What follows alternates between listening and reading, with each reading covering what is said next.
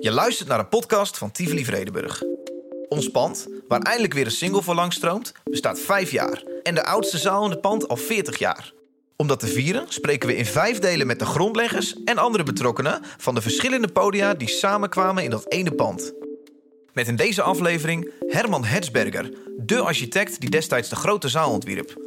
Als host hoor je in deze aflevering Radio 1-verslaggever Jeroen Wielaerts.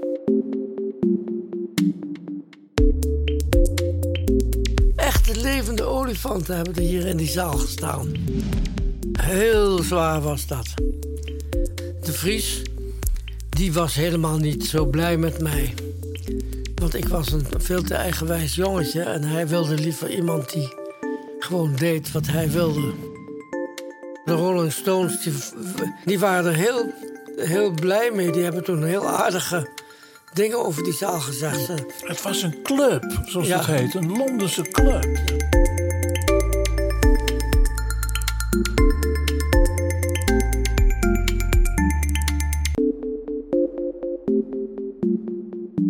De zitting is vlak na de lezing van Herman Hetsberger in de grote zaal. 1100 man zaten aan zijn lippen. En een daarvan was een vrouw die na afloop in het gegeven paard nog helemaal onder de indruk zei: Hippe man, die Herman. Wat een uitstraling. Hip. Ja, ik, eh, ik hoop nog een tijdje mee te gaan, ja. Ja, maar hip, dat gaat ook al een tijd mee als begrip. Ja, kijk eens. eh, hip slaat er natuurlijk op dat je eh, nog steeds voeling hebt met wat er op dit moment gebeurt in de wereld. En dat is natuurlijk belangrijk. Het is belangrijk als je oud bent dat je dan niet wegzakt in het verleden. En, eh, en, al helemaal niet dat je gaat vertellen dat het vroeger beter was. Het is A, onzin. En B, eh, dat, dat, moet je, dat verwacht je te, te erg van oude mensen. Dus ik probeer echt. eh, en ik heb kinderen en ik heb kleinkinderen. Dus ik heb eh, alle voorwaarden om, eh, om nog bezig te zijn met het, het leven van vandaag. Ja, en je kunt zo nog eens een lezing geven in een gebouw wat je ooit zelf hebt mogen ontwerpen. Ja, nou, het is makkelijker dan in een gebouw wat je niet zelf hebt ontworpen. Nee, natuurlijk. maar het draagt bij tot de bezieling, ook van zo'n lezing. Absoluut. Ik, eh, maar je moet niet denken dat ik het helemaal uit mijn mouw schud. Ik, ik ga er natuurlijk wel voor zitten om. Ik lees niet van een papiertje. Ik, lees, ik, ik doe alles uit mijn hoofd, maar ik moet het wel eerst in mijn hoofd krijgen. Ja. Hoe doe je dat dan van tevoren bij het overdenken? Visuali- Visualiseer je die hele zaal nog eens? Ja, dat is niet, dat is niet moeilijk. En ik heb natuurlijk ook altijd dia's met eh, plaatjes. Ja. help je natuurlijk eh, jezelf eh, om bij de les te blijven. Heb je een, een zodanig ehm, fotografisch geheugen dat je dan die zaal voor je kunt zien met die hele infrastructuur daarboven van de lampen en de leidingen? Ja, dat, alles? dat kun je wel voor je zien. Maar, maar als je in die zaal staat, terwijl je dat verhaal houdt, is dat natuurlijk vrij makkelijk. Hoe is het om terug te zijn? Nou, fantastisch. Net alsof ik niet weg geweest ben. Maar ik ben natuurlijk tussendoor, ben ik natuurlijk nog wel vrij vaak hier geweest. Ja, daar was ik benieuwd naar. Hoe vaak? Nou, niet heel vaak, maar toch wel vaak. Dus ehm, wat ik altijd een geweldige dag in het jaar vind, is de Nacht van de Poëzie. En dat laat ik als ik enigszins kan niet voorbij gaan. Vanaf het begin? Vanaf het begin, ja. En dat is elke keer weer een geweldig succes. En ook daarom, omdat dan die zaal pas echt tot zijn recht komt. Als een soort van stadsplein waar mensen in en uit lopen met iets te drinken en te eten. En het een geweldige, dynamische eh, toestand is. Een heerlijk gekrioel tot in de diepe Een uren. rommel eigenlijk, een geweldige rommel. Ja, ja. En dat moet kunnen, vind ik. ik. Ik heb van het begin af aan geprobeerd om het deftige, het, het elitaire, het, eh, het, eh, ja, hoe zeg je dat? Eh, het formele tegen te spreken. Ik heb, ik heb dus echt alles gedaan om het tot een informele zaal te maken. Wat ook weer niet per se betekent dat het uh, anti-elitair is. Nee, de kunst is om een, een zaal, maar dat geldt voor elk gebouw en voor elke ruimte, zo te maken dat het niet uitmaakt wat er gebeurt en wie erin komt. Dat het allemaal kan. Ja, dat hoort gewoon ook bij de basisfilosofie, die je vanaf de jaren 50 al uitdraait. Ja. Uitdraagt. De, de, de, de, openheid, ehm, de ontmoeting, de, de verbinding. Ja. Het moet een stuk openbare ruimte zijn en in de openbaarheid gebeurt van alles. En ehm, ja, wij zijn geneigd om allerlei dingen die dan niet betamelijk zijn van de straat te willen uh, verwijderen. Maar dat moet niet. In de stad uh, gebeurt alles wat er gebeurt. En dat moet ook allemaal een plaats krijgen. En zo moet zo'n zaal ook zijn. Dus voor mij is de, het beeld van de stad is de grote inspiratie... waarmee je dus eigenlijk ook uh, gebouwen moet ontwerpen. Geestig dat je dat zegt, want het beeld van de stad... Eh, toen dit allemaal in ontwerp kwam, was anders. Uh, Utrecht bruiste niet zo. Nee, dus wat dat betreft is het alleen maar beter geworden. Ja. Maar ik heb ook in het verhaal verteld dat het gebouw op zich uh, opener geweest is in het begin. Uh, de zaal had grote deuren die opengezet konden worden. En dat soort dingen zag je nou juist bij zo'n avond als de Nacht van de Poëzie. De mensen in en uit liepen. En niet noodzakelijkerwijze bij dat concert moesten blijven. Ik bedoel, bij een deftig uh, klassiek concert word je geacht van het begin tot het eind te blijven zitten. En niet hoesten? En niet hoesten. Maar uh, deze zaal is van het begin af aan toegespitst op informaliteit. Alleen die open deuren, die uh, waren niet helemaal de smaak van Peter Smits, de toenmalige directeur? Nou, ze zaten wel eens een keer te zeuren dat ze niet helemaal dicht waren. Het was heel moeilijk om het akoestisch perfect te krijgen. Maar ook die perfectie, daar moet ik een vraagteken bij zetten of dat nou wel helemaal nodig is. Die uh, akoestiek zat toch al goed in de ontworpen reflectievakken van de zaal? Ja, ja. Wij hebben... Hoe heb je dat gedaan? Heb je dat thuis getest? Of? Nee, we hadden natuurlijk uh, ook uh, lieden die daar echt verstand van hadden. Inmiddels heb ik er ook een klein beetje verstand van gekregen. Maar uh, je had daar dus Pieter Lange uit de Universiteit van Eindhoven die was daar een expert in. En daar heb ik samen mee gewerkt. En uh, het was natuurlijk een geweldig experiment. Ik heb pas achteraf beseft wat de risico's we eigenlijk gelopen hebben, genomen hebben. En in je jeugdige overmoed uh, denk je niet aan risico's. Uh, maar het, het, normale uh, schoenendooszaaltype dat is uh, ja, getest op zijn, zijn um, akoestiek. Daar kan niet veel misgaan. Hè? Maar dit was natuurlijk iets wat voorkomen niet getest was. Acht hoeken? Ja, dat, dat, dat is op zichzelf niet, niet ernstig. Maar ik heb geleerd dat er veel reflectievlakken in dat, die zaal moeten zijn. Want dat, het, het wezen van de akoestiek is dat je niet alleen het directe geluid... maar ook het gereflecteerde geluid uh, opneemt. En dat gereflecteerde geluid moet binnen een bepaalde tijdseenheid binnenkomen, want anders wordt het ervaren als een echo. Moet je eigenlijk ter plekke uh, een akoestisch ontwerp bedenken met uh, partners erbij waarvoor je niet op school bent geweest. Precies. Dat, dat, ja, dat, dat is ja. aldoende leren. Ja, absoluut. In die tijd wel. Tegenwoordig heb je natuurlijk met de computers kun je natuurlijk in een model... zegt dat er 1700 plaatsen zijn. Uh, vanaf 1700 plaatsen checken... Uh, wat de geluiden die van verschillende plekken op het podium komen... die mensen doet. En dat konden wij toen nog niet.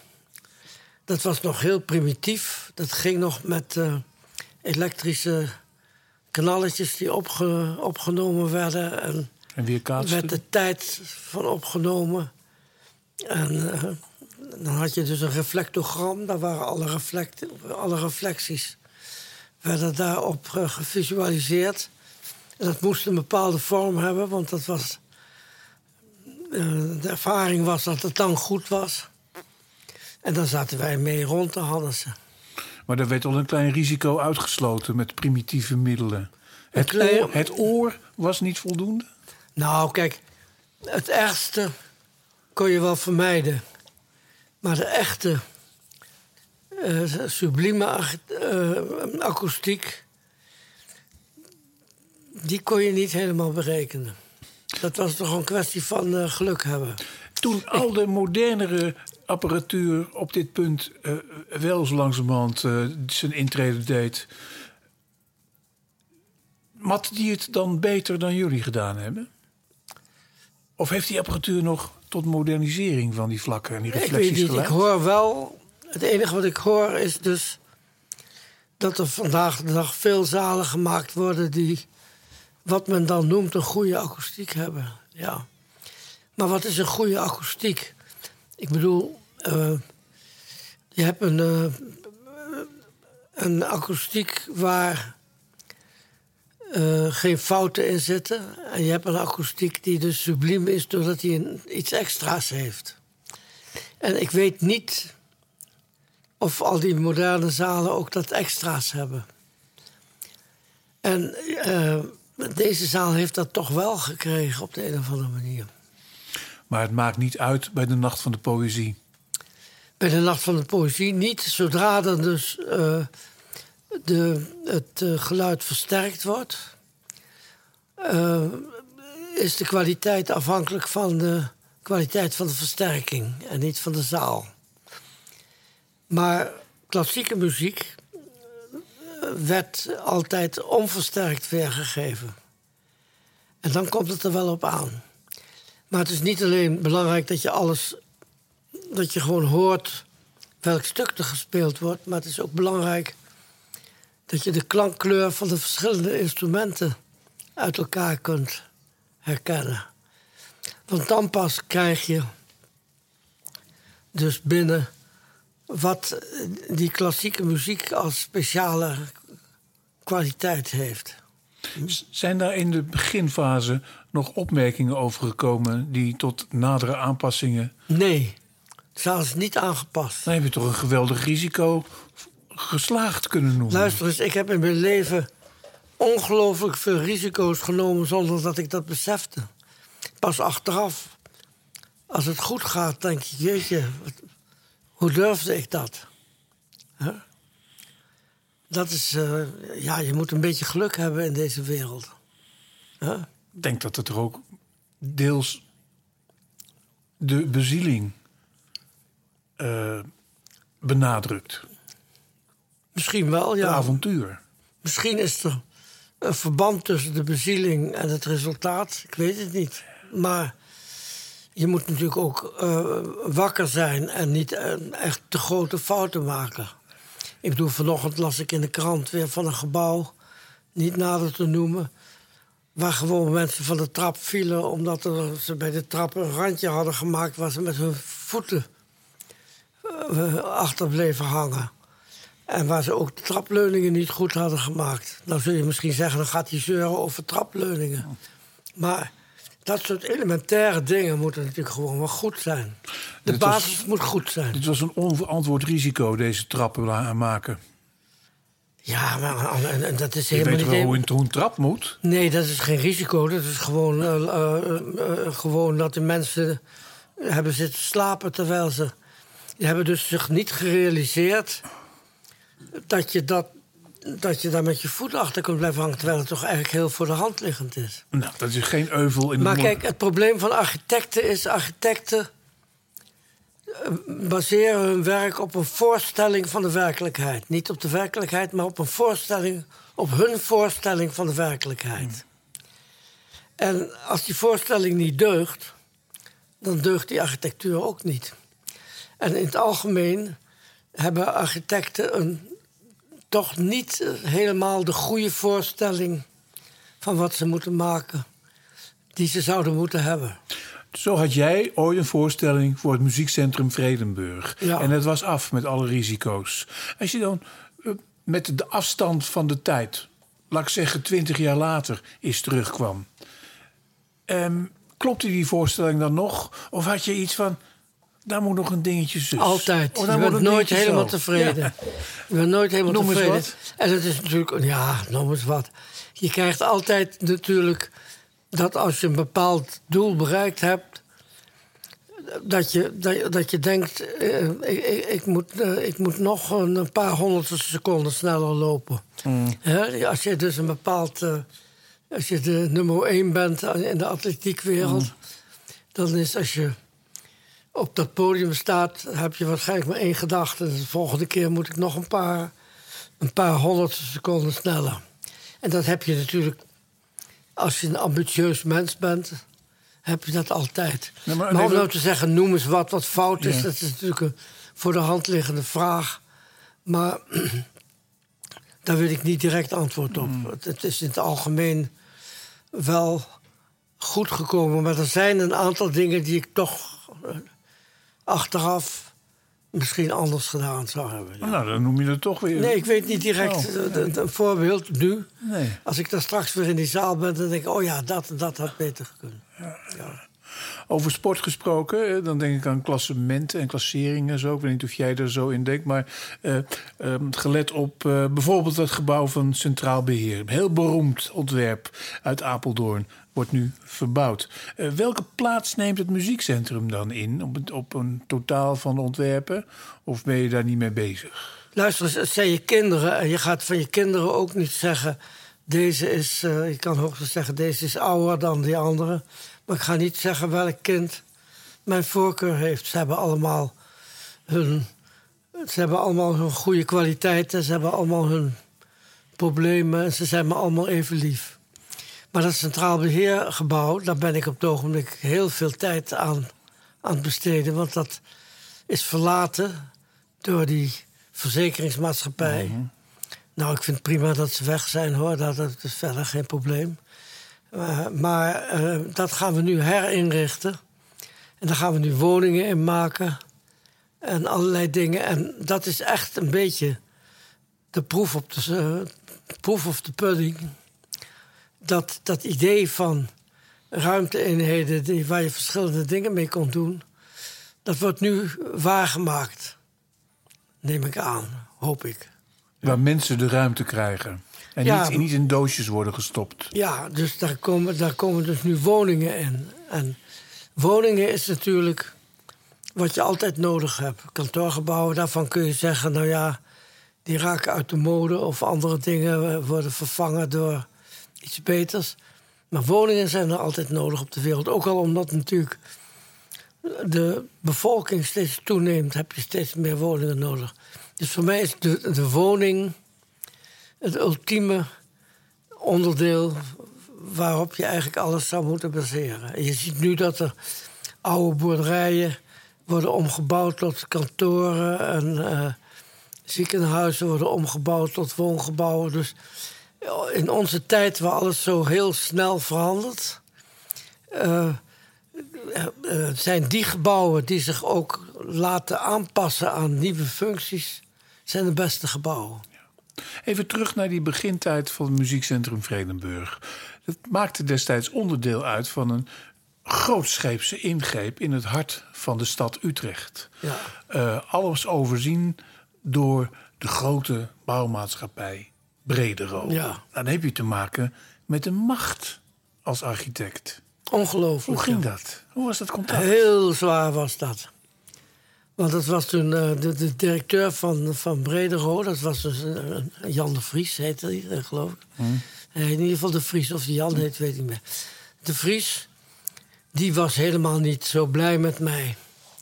Want ik was een veel te eigenwijs jongetje. En hij wilde liever iemand die gewoon deed wat hij wilde. En er was natuurlijk een, eh, op dat moment een, grote vraag of dat uh, Hoogkaterijnen, dat enorme nieuwe winkelcentrum, of dat de, binnenstad niet zou zodanig zou beconcurreren dat die binnenstad dat niet zou overleven. Daar was ik toen erg bang voor. Dat is allemaal goed gekomen. Uiteindelijk zijn we zo rijk geworden allemaal... dat we en in Hoogkaterijnen en in de binnenstad zijn gaan eh, kopen. Ja, maar daar zat dit muziekcentrum natuurlijk precies tussen. Ja, maar, Als maar, een schakel. ja, maar de Vries die vond het ook wel mooi...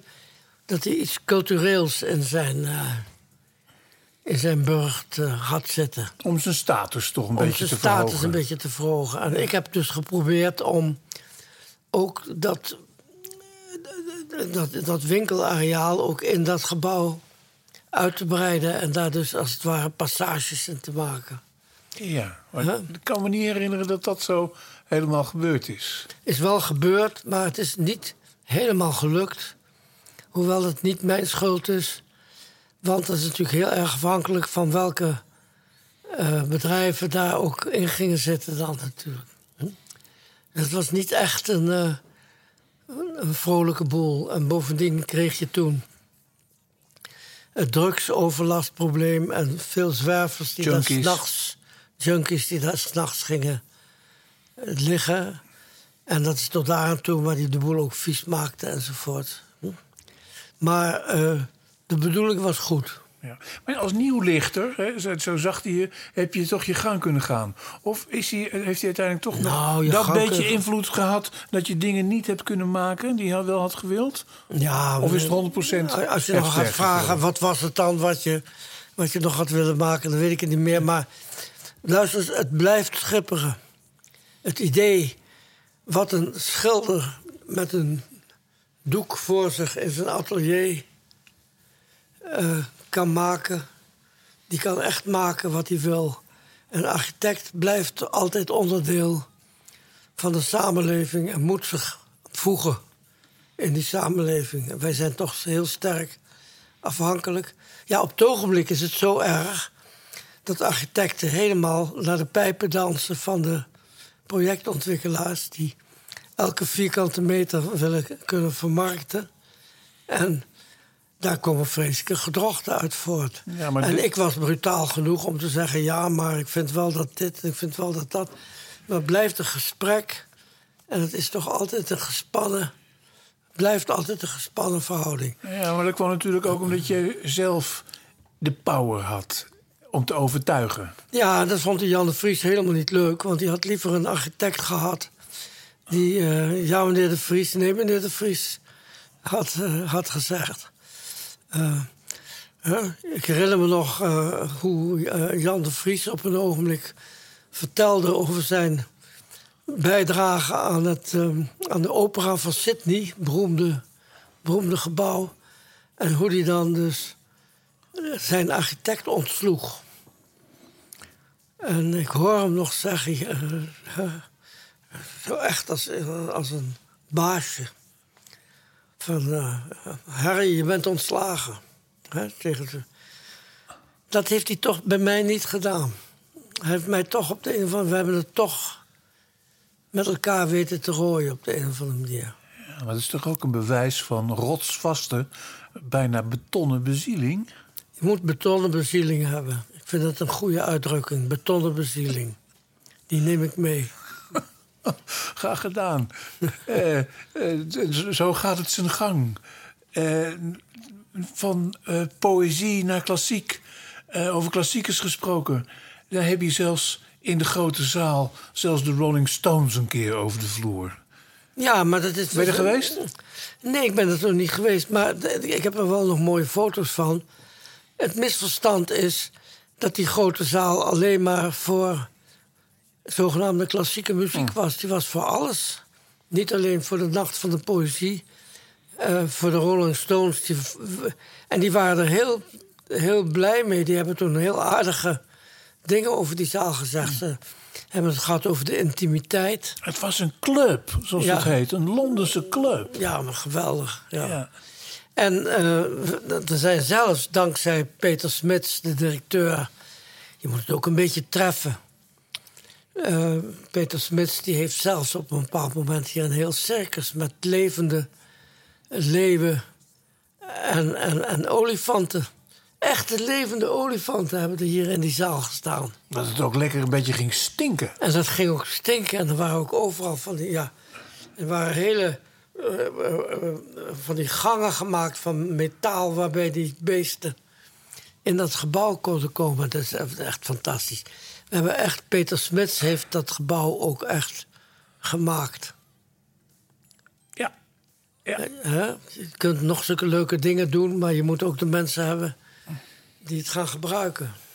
Hij, hakte, hij haakte af eh, toen het een paar fasen en een tijdperk verder ging over een nieuw muziekpaleis. Ja, ik weet niet of dat de reden was, maar het ging, het ging een tijd lang slechter. Ja. En toen heeft, eh, toen heeft dus de gemeente Utrecht de historische beslissing genomen om ook eh, dus het oude Tivoli en de jazzclub ehm, en ook nog een crossoverzaal allemaal bij elkaar te doen. Nou, het was natuurlijk, ze hebben natuurlijk een waanzinnig risico genomen. Is in de hele wereld ontsta- eh, bestaat niet zo'n combinatie van die dingen. Nee, maar het was wel typisch Utrechts. Het was onverantwoordelijk, maar eh, je hebt zo nu en dan zulke dingen nodig om, om een stap verder te komen. En dat is echt heel fantastisch eh, geweest. En ja, dan neem je toch als risico's, als risiconemende stad, eh, het liefst Herzbergen er weer bij. Ja, dat weet ik niet. Maar eh, ik was natuurlijk toch altijd wel een moeilijke man in de ogen van de, van de mensen. Maar ja, ik weet het niet. Eh, misschien konden ze niet goed om, om mij heen. Want er moest natuurlijk ook die oude zaal moest gerestaureerd worden. Toen hebben ze me ook de nieuwe zaal, nieuwe kamermuziekzaal laten maken. Die ze naderhand notabene de Hertzzaal hebben genoemd. Hertz met TZ. Ja. En eh, wij hebben nog ervoor gepleit om voor die crossoverzaal jonge architecten te nemen. Want het waren allemaal verder allemaal, eh, allemaal een beetje oude lullen die er waren. Dus er moesten ook een wat jonge mensen Noem bij. Jo Koenen maar een oude lul. Pardon, hij hoort het niet, denk ik. Nee. Maar dat is toch over risico's gesproken, dat, dat stel ik me zo voor. Ehm, toch ook een, een, een, een- nou ja, een uitdaging, maar ook een, een uitnodiging eh, voor een open deur. Om, zo, om zulke ambitieuze mensen, eh, er waren er wel vijf, zes bij betrokken, in zo'n stad met zo'n gemeentebestuur, dat allemaal samen te laten doen. Is dat geen pandemonium geworden Ja, nou, iedereen dacht dat we ruzie zouden krijgen. Maar dat hebben we dus niet gekregen. En dat kwam ook door het concept. Het concept was dat iedereen, dat, dat concept is dan van mij, dat iedereen zijn ding mocht doen. En wij hebben een soort van grote tent, grote huif gemaakt, waar al die dingen in konden. Ik heb nooit een opmerking gemaakt van, kun jij je zaal niet een beetje platter of een beetje langer maken? Of kun je niet een andere kleur geven? Of kun je niet dit of dat? Iedereen zijn volledige vrijheid gelaten. En dat was dus ook het model van een stad waarin verschillende architecten hun eigen ding doen. En waar je als stadsbestuur alleen maar probeert om het een beetje eh, zo te maken dat ze elkaar niet zouden lastigvallen. Ik zie je staan bij die maquette uit, ik meen, 2010. Levensgroot, bijna net zo groot als Herman Hesberger zelf. Je kijkt, er, zo je kijkt er zo naar met zo'n blik van... heb ik dit ooit gedaan? Maar dat was het natuurlijk ook. Dit is, het was nog nooit vertoond. Nee, het was nooit vertoond. En het zijn allemaal in de wereld chique gebouwen. En dit is dus echt gewoon een rommeltje bij elkaar. Geprobeerd om daar toch een soort van eenheid van te maken. Verbaasden jullie eh, ook die ambitieuze Utrechtse stadsbestuurders ermee? Of hebben jullie dus ermee overdonderd? Ehm, Was er een collectief idee van die vijf, zes architecten van dit gaan we nou eens doen? nou, de grote slag. De grote slag wordt altijd geslagen. als het budget moet worden goedgekeurd. Mhm. En daarna eh, komen ze pas weer kijken wanneer het klaar is. Maar dat Nou, ze kwamen tussendoor wel kijken, want het werd voortdurend overschreven. Ja, het werd dan weer duurder en dan stonden de kranten weer helemaal vol. Ja. Maar achteraf gezien is het helemaal niet zo erg, eh, n- niet zo dramatisch geweest als wel voorgesteld wordt. Want er werden op een ogenblik allerlei eh, vervuilingen van de grond geconstateerd. Ja, daar konden wij niks aan doen. Dat daarvoor het budget vergroot moest worden. Ja, sorry, eh, het spijt me. Hadden ze kunnen weten misschien. Hadden zij moeten kunnen, ja. kunnen weten. Maar architecten zijn natuurlijk prima om alle, om alle schuld eh, aan te geven. Die kun je daarvoor gebruiken. Kunt zeggen, ja, die architect die heeft niet goed gerekend en zo. Ja. Daarmee kun je je eigen, je eigen eh, fouten of eh, dingen die je niet gezien hebt... kun je daar makkelijk eh, op die architect spelen. Dat heb ik vaker meegemaakt. Mag wel zeggen, bij elk gebouw. Laten we het hierbij houden, bij Tivoli Vredenburg. Je noemde de Hets al. Wat, wat vind je van het naar jou genoemde... eh, van, wat vind je van die naar jou genoemde zaal? Nou ja, hij is niet revolutionair, maar hij klinkt goed. Huh? En hij is mooi in het menselijk gebruik. En hij, ziet er, hij ziet er goed uit. En ehm, aanvankelijk hadden wij ehm, geen kleine zaal bij het project. Alleen een repetitiezaal. Omdat de oude directeur van het Utrecht Symfonieorkest meende dat we een repetitiezaal moesten hebben. Nou, dat is een beetje een verouderd idee. En toen kwam Peter Smits, die moest uit Groningen worden losgeweekt om als directeur hier te komen. Oh, je bent nu weer terug in fase, in de, de eerste fase. Ja, Ja. en die stelde toen... Ik, ik, ik geef nu even de geschiedenis daarvan. Ja, ja. Die zei, ik kom alleen als er ook een kleine zaal was. Is. En toen hebben we gezegd, nou dan moeten we maar dat, die repetitieruimte... moeten we maar ombouwen tot een kleine zaal. Nou, we hebben ons best gedaan, maar dat is nooit echt goed gelukt. Toen hebben we dus in deze, in deze vernieuwing van vijf jaar geleden... hebben we dus eindelijk de kleine zaal erbij gekregen, die hertzaal die er nodig was. Dus dat was een soort revanche. Ja, Ja. Moest eindelijk, moest nog. Dat, dat, dat, dat lag er nog. ja het lag er nog. Dat was een soort oud zeer. Ehm, ehm, nog even doorgaan. We zitten hier in een zijkamer, een kleedkamer van de Pandora. Wat vind je daarvan? Dat is dus de, de, de, crossoverzaal. Hè? Van Pieter Bannenberg. Ja, en, ehm, en Camille Klaassen, ja. En L Architecten. Doos ik- met uitstulpingen. Wat ik daarvan vind, nou, vind ik. eh, kijk, eh, wat ik vind is dat het, publiek moet eh, zeggen of het werkt. En als het werkt, dan is het goed. En hoe het eruit ziet, vind ik in die zin secundair. Ik vind dat de vorm moet de, zijn de vorm van de inhoud. De inhoud gaat het om en daar moet je een vorm voor vinden. Terwijl de meeste architecten die zien de vorm als, als de inhoud. Ja, als de maat van alle dingen. Als de maat van alle dingen. En dat is natuurlijk helemaal verkeerd. En dat is wat ik bedoel. Dat ze toch in het algemeen een verkeerde voorstelling hebben van de werkelijkheid. Dus een gebouw wordt beter naarmate degene die het ontwerpt een betere voorstelling van de werkelijkheid heeft. Zich kan voorstellen wat er gebeurt. Dat lullige trapje waar wij af moesten in de grote zaal van het podium. Dat is een heel eng trapje, daar durf je niet af. Eh, omdat je geen leuning hebt of wat ook. Dus degene die dat trapje daar neergezet heeft, heeft toch zich niet de goede voorstelling gemaakt van wat iemand die net een verhaal gehouden heeft, die naar beneden moet. Het is gewoon te eng. Je, je, je bent bang, als je, zeker als je niet meer zo jong bent. Dat maar je bent overeind gebleven. Ja, maar er waren direct mensen die mij de hand uh, Ja, toestaken. ja. Dus ineens werd ik een oude man toen ik naar beneden ging. Wat ik al die tijd had willen vermijden. Maar dat is wat ik bedoel met de voorstelling van... Hè? Een simpel iets.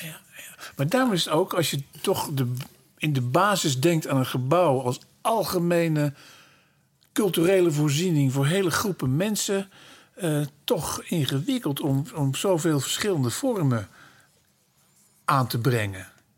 Ja, maar ik heb ook niet al die vormen aangebracht. Die, die verschillende architecten, heb ik gezegd, mochten hun ding doen. Ja. En mijn taak was om het, de zeg maar openbare ruimte tussen die gebouwen goed, goed beloopbaar, goed leefbaar te houden. Zodanig dat je elkaar ziet. Dat je kan zien als er een leuk meisje loopt. Of een- als je wil, een leuke jongen. En dat dat een echte goede openbare ruimte. Ja, in de oude geest van verbinding en openheid. Verbinding en openheid, nou, dan kun je de oude. Dat kun je iets, iets ouds noemen, maar dat is denk ik een van de blijvende dingen. Ik denk dat het, het hele gevoel van sociale ruimte, het feit dat elke ruimte zo moet zijn dat die verbindingen legt tussen mensen, dat is voor mij een, een soort van ijzeren wet. Ja. En dan heb je nog de jazzkelder. Hè, door Thijs Asselbergs gemaakt op verzoek van de SU, hè, de, de, Ja, de, de ja. Jazz Utrecht. Eh, Die, daarvoor ga je niet naar beneden. Maar het is een hele klim Ja. naar boven. Maar dan heb je ook wat. De Cloud Nine in de wolken. Nou ja, als er mensen.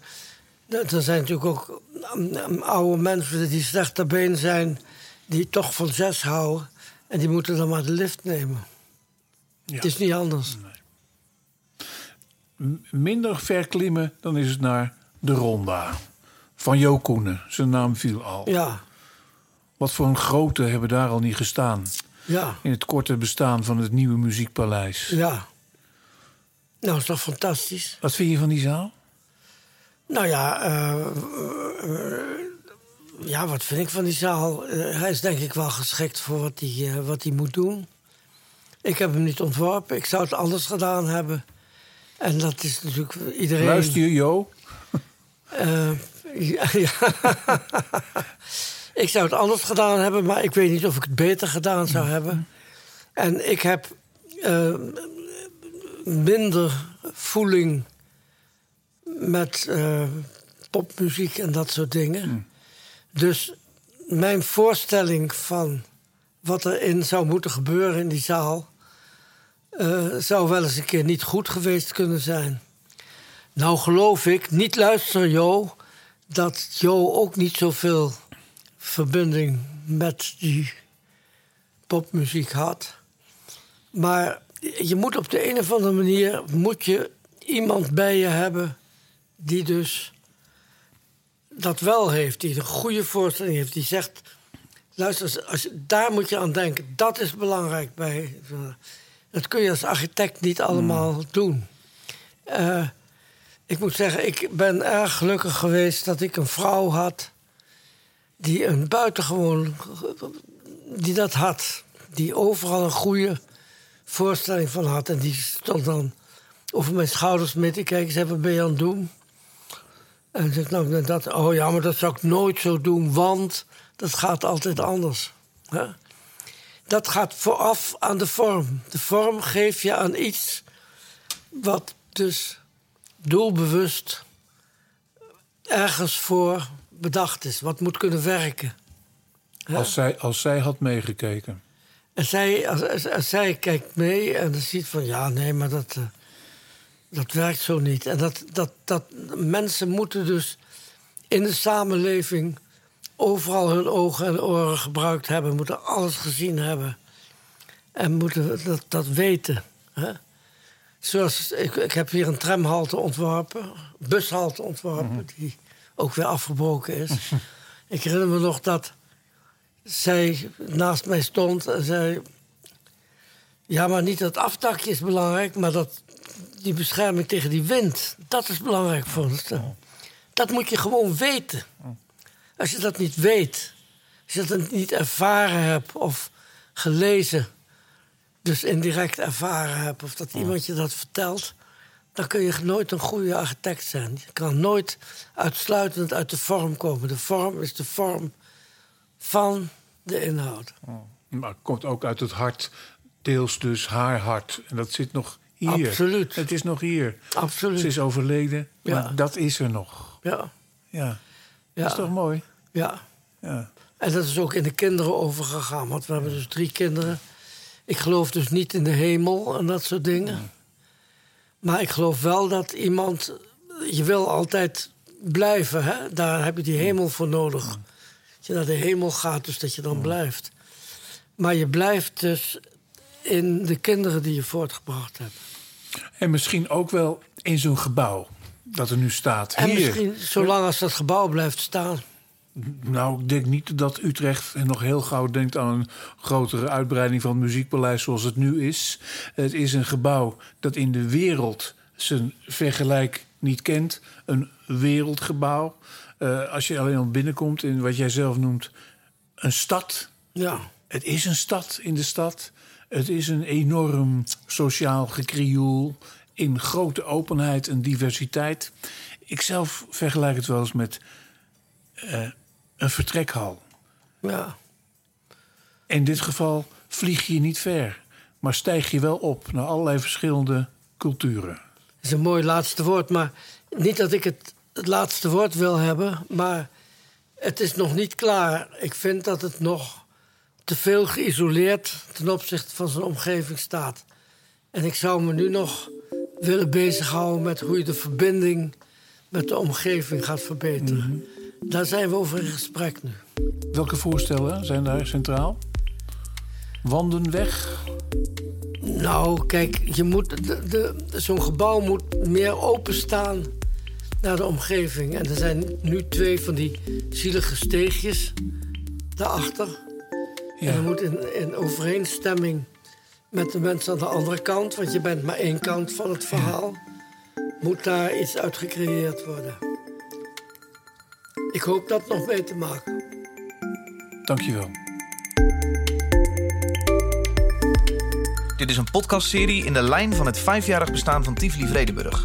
Abonneer je gratis via iTunes, Spotify of andere podcast-apps... om ook de volgende aflevering automatisch op je telefoon te laten verschijnen.